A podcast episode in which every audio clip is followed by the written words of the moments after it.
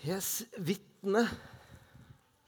Det er jo egentlig det vi eh, snakker om, og har gjort det en eh, god måned nå. Ruth, Naomi, det var fine vitner.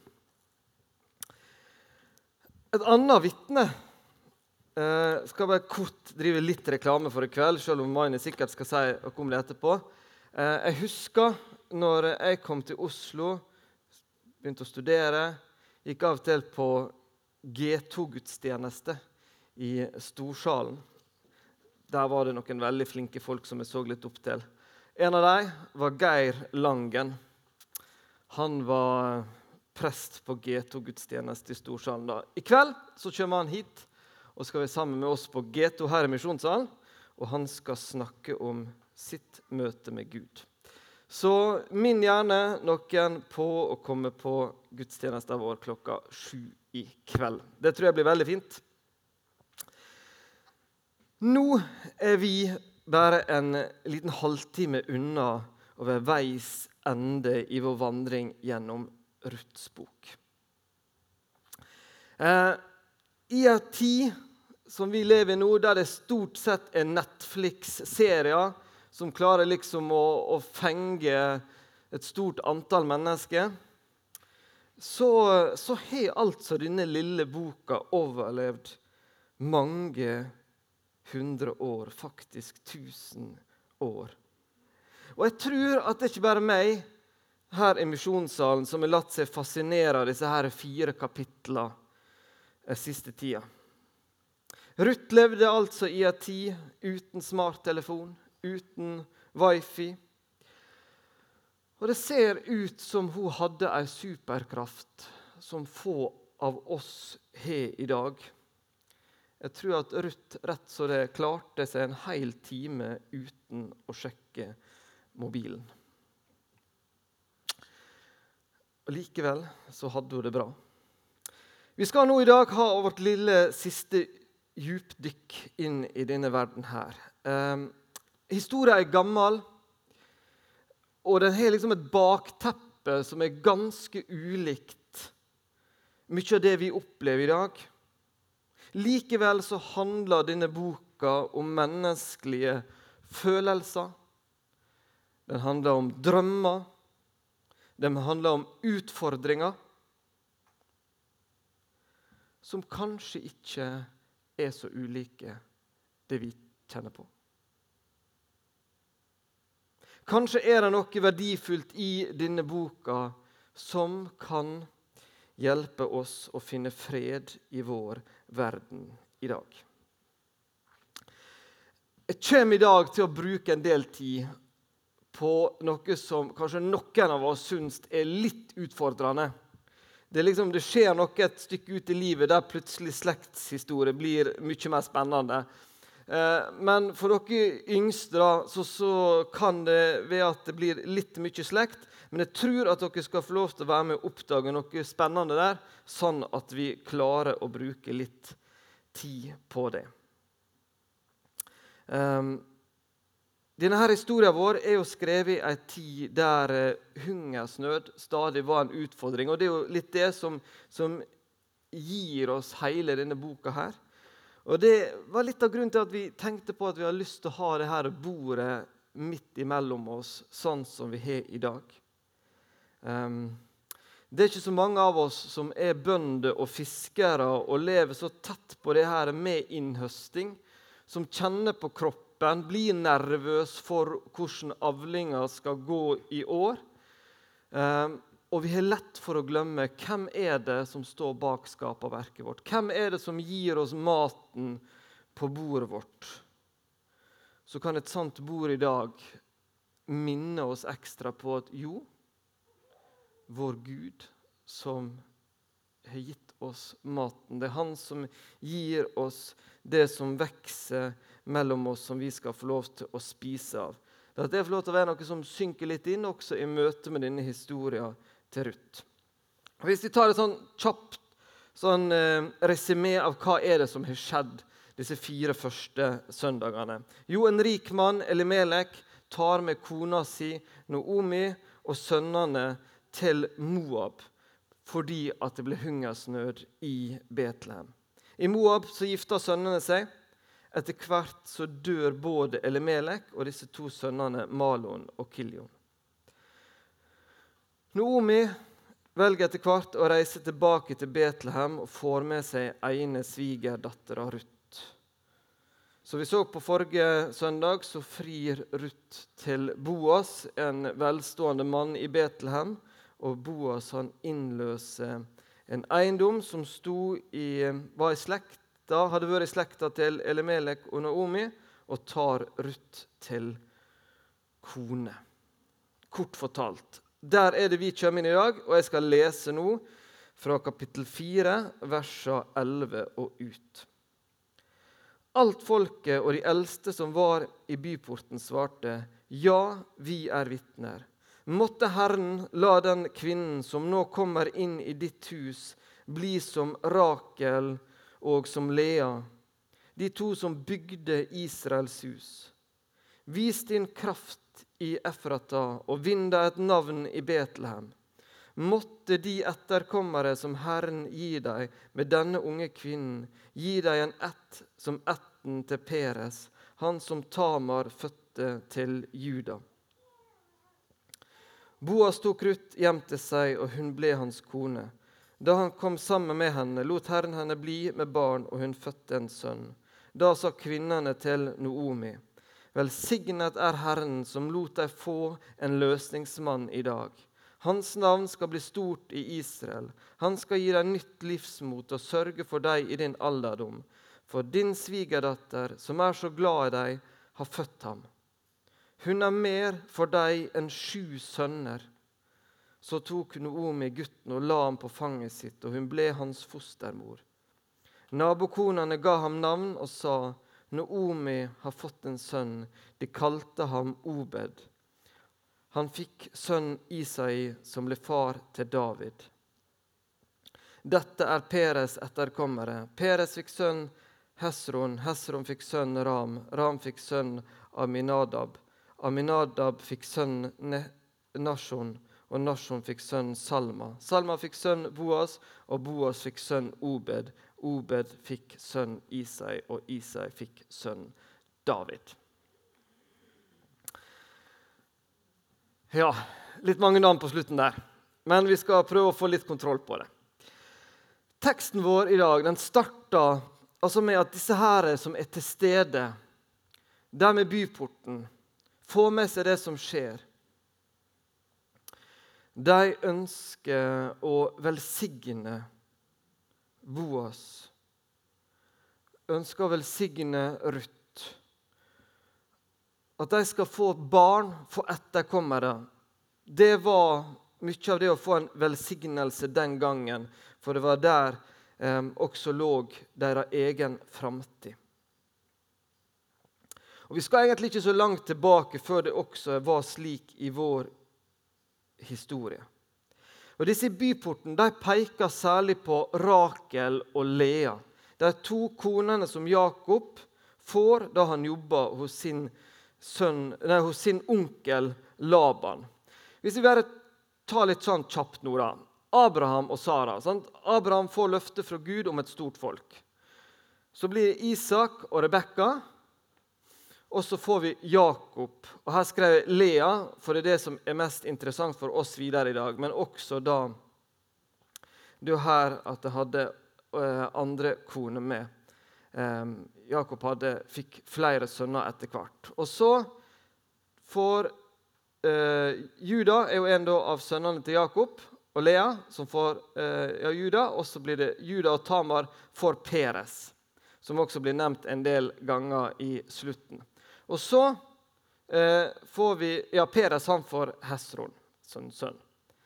Og Så skjer det en del ting. Der jeg får stipla linje. Det går en del eh, år der. Blant annet så er hun der da i Egypt. Eh, og så kommer vi tilbake. Og så er for Salma og Rahab de får Boas. Og så kommer Ruth inn i det her. Og så får de Obed, Isai og David. Eh, hvis vi klarer å henge sånn noenlunde med på det her Det er det som er, er viktigste navnene i denne teksten vår eh, i dag.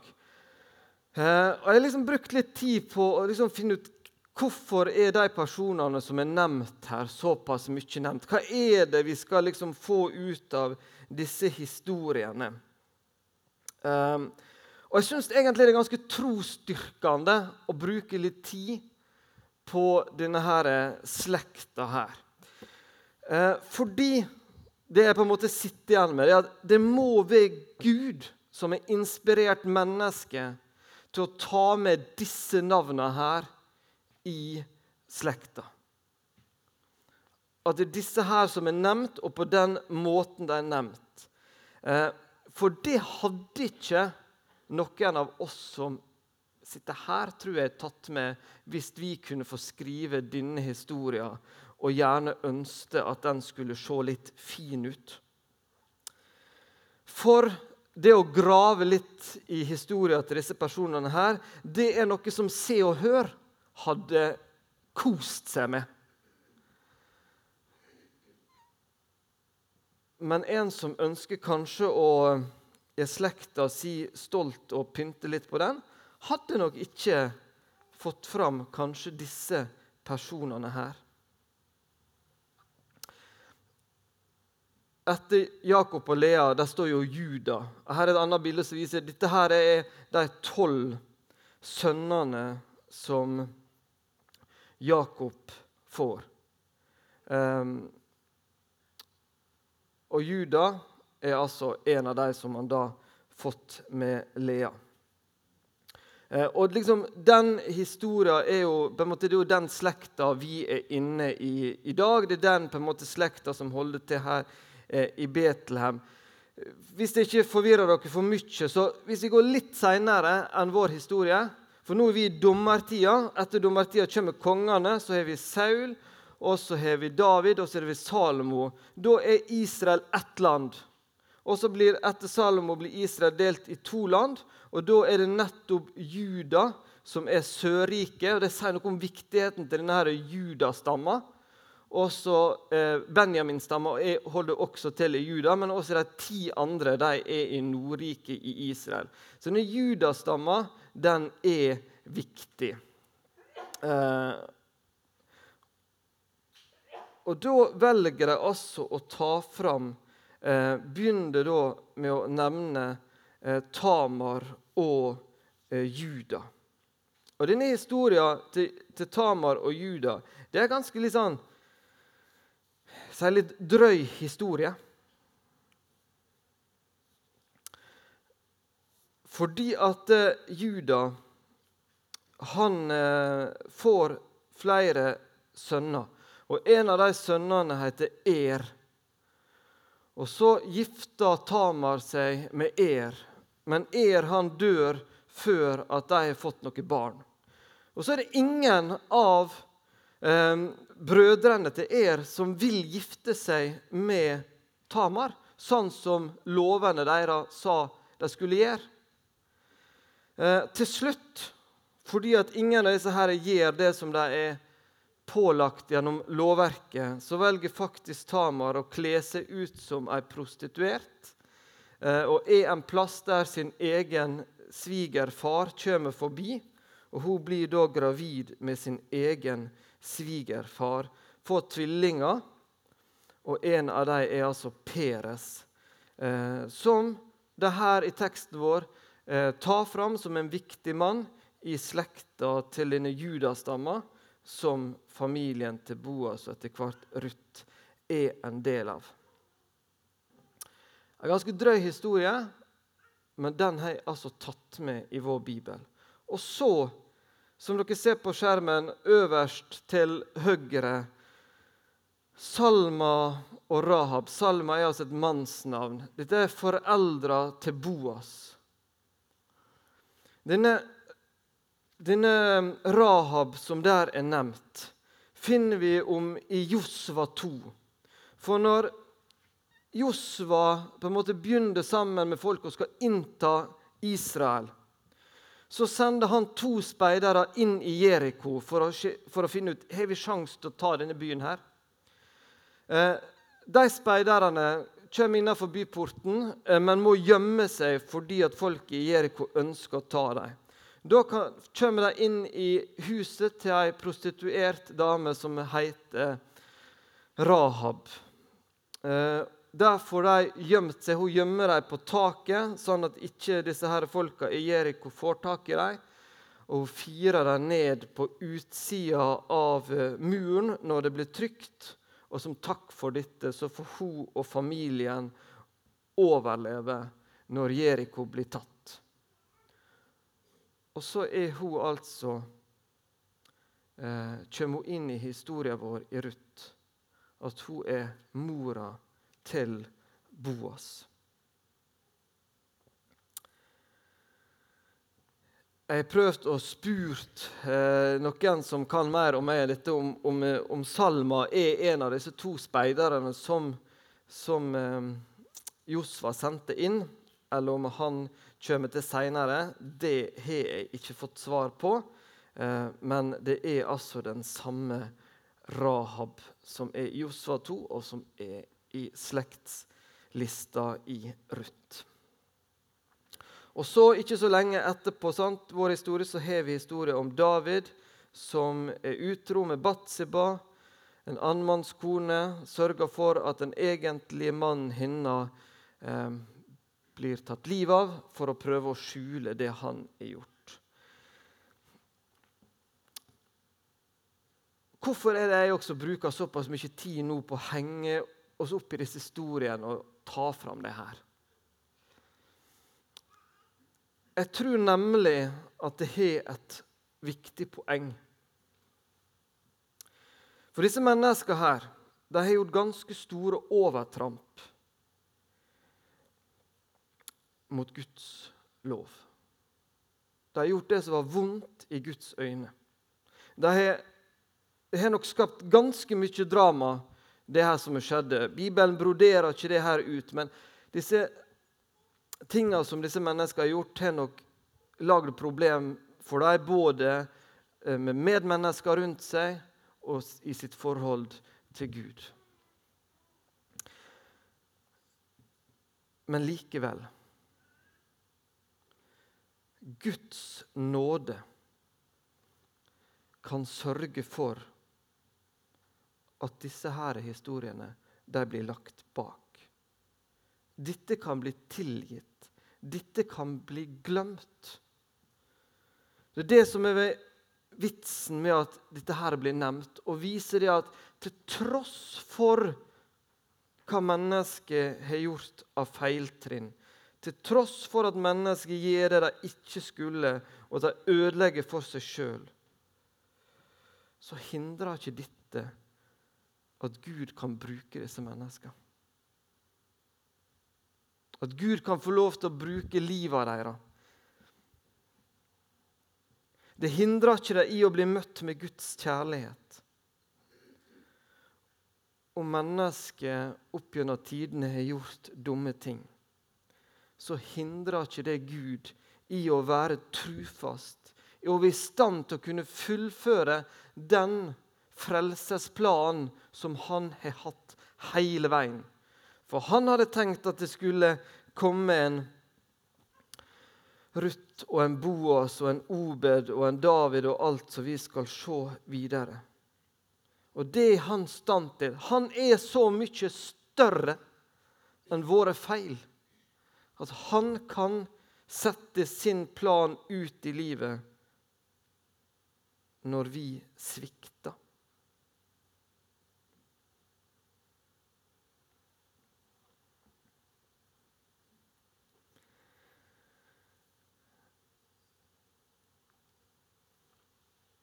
Jeg kjenner ikke deres historie. Men jeg veit det, at det er, skal ikke gå så lang tid tilbake i, i vår historie. Og kanskje driver vi på med det i dag, at vi liker oss å pynte litt på ting. At det er ting i vår historie som vi prøver å unngå å ta med når det skal fortelles om den.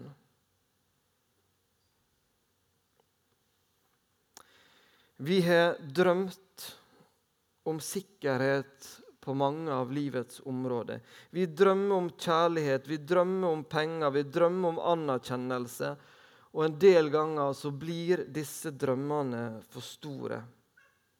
Og vår higen etter å nå disse her målene her blir for store, og plutselig så går ting i knas, i grus. Og vi kjenner på et behov for å skjule ting for de rundt oss.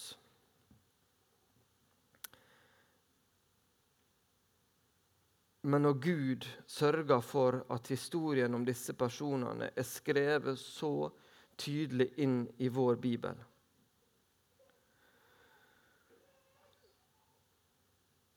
Vonde historier er tatt med i vår bibel. Og vi får se der at Gud likevel kan reise mennesket opp igjen. At han kunne reise mennesket opp igjen i dommertida, så kan vi være sikre på at Gud kan reise mennesket opp igjen i dag. Han kan i like stor grad i dag som da tilgi og legge ting bak. Han har den samme kraften til å gjøre ting gode igjen som han hadde den gangen.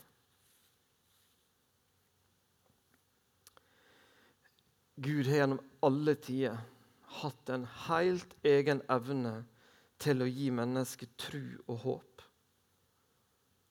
Og det fortsetter han å gjøre. Og Det vil jeg at vi skal vite. At det er ingenting i de historier som er for voldsomt for Gud. Det er ingen synd som er blitt gjort av deg eller noen før deg i deres slekt, som er så stort at Gud ikke kan tilgi det. Gud elsker faktisk å sitte sånn som på bildet her, da Jesus satt og vaska beina til disiplene. I frimodighet skal vi få lov til å komme til Han, og så har Han lyst til å vaske oss, historien vår, familien vår, rein.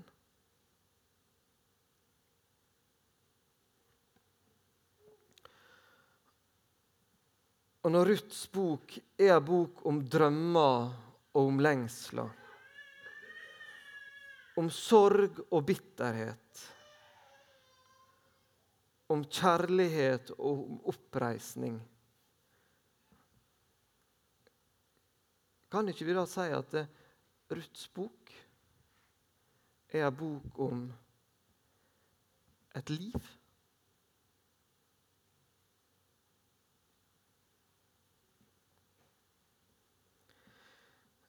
Tror ikke vi skulle jobba så mye om vi hadde satt oss sammen og, og prøvd også, også litt i livet vårt her. Så tror ikke vi skulle leita så lenge før vi fant en del knuste drømmer.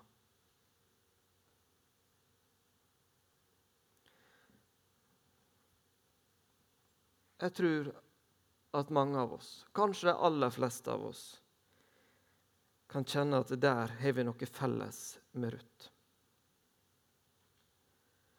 Men jeg tror også at hvis vi hadde sittet her sammen en stund og fortalt, så har det kommet fram noen historier om noen drømmer som har blitt nådd. Noen drømmer som ikke vi har kommet fram til sjøl. Noen drømmer som vi ikke tørde egentlig å komme fram til sjøl. Men Gud har fått lov til å skape noe nytt inn i våre liv. Han har fått lov til å gjort noen skjelvende og ustø bein sikre og stødige. Han har gitt nytt mot til flere av oss der det var tomme øyne og stor sorg. Og Gud, han fortsetter å handle slik han gjorde med disse to damene, med Ruth og Naomi.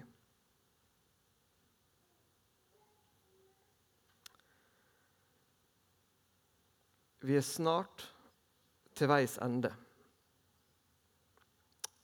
Og jeg har sagt og jeg har skrevet at Ruth er en bok om våre, alle menneskers, valg og Guds inngripen i disse livene våre. Gud han har grepet inn i utallige mennesker sine liv. Likevel er det én inngripen som han gjør, som er viktigere enn alle andre inngrepene han har gjort.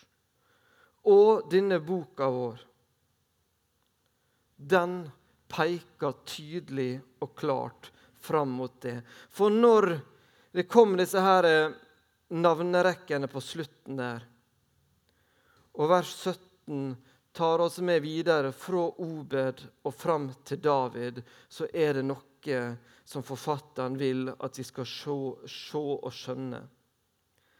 For måten som Bohas oppfører seg på overfor Ruth og Naomi, er et bilde på Gud. Han trosser det som hadde vært enklest. Han velger Ruth av en dyp kjærlighet. Ruth viser også gjennom sine valg en stor tålmodighet og hengivenhet overfor si svigermor. De får dette barnet, og så står det at disse kvinnene rundt, nabokonene, som har vært og sett alt det her som har skjedd, som er der, og så skal de få gi navn til dette barnet. Så velger de altså dette navnet Obed.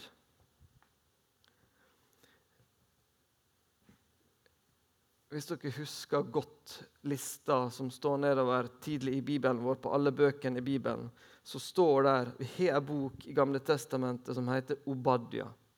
Obed er en forkortelse for Obadia. Obed betyr tjener, Obadia betyr Herrens tjener. Obadia Obed ble en tjener, men Guds inngripen i vår historie snakker også om en annen tjener. En som tok på seg en tjeners skikkelse og blei oss mennesker lik. Guds egen sønn som valgte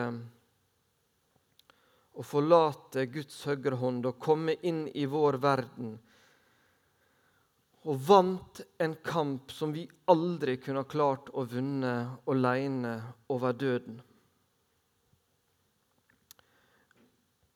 Og i ei bok litt seinere i Gamle testamentet så sitter Jobb og uttaler noen ord. Han sier 'Min gjenløser lever'. Midt i alt det vanskelige Jobb opplever, så fikk han også se framtid og håp. Og det skal vi få lov til å vite i dag, at min og din frelser, vår redningsmann, han lever. Han er like sterk, vital og virkekraftig som han alltid har vært. Han kan og vil gi håp, trøst og framtid inn i ditt liv. så vil jeg at når du, som oss andre, av og til kan bli litt usikker på det Det er en del av dette livet. Da kan vi ta fram boka, og så leser vi en runde igjen om Ruth. Amen.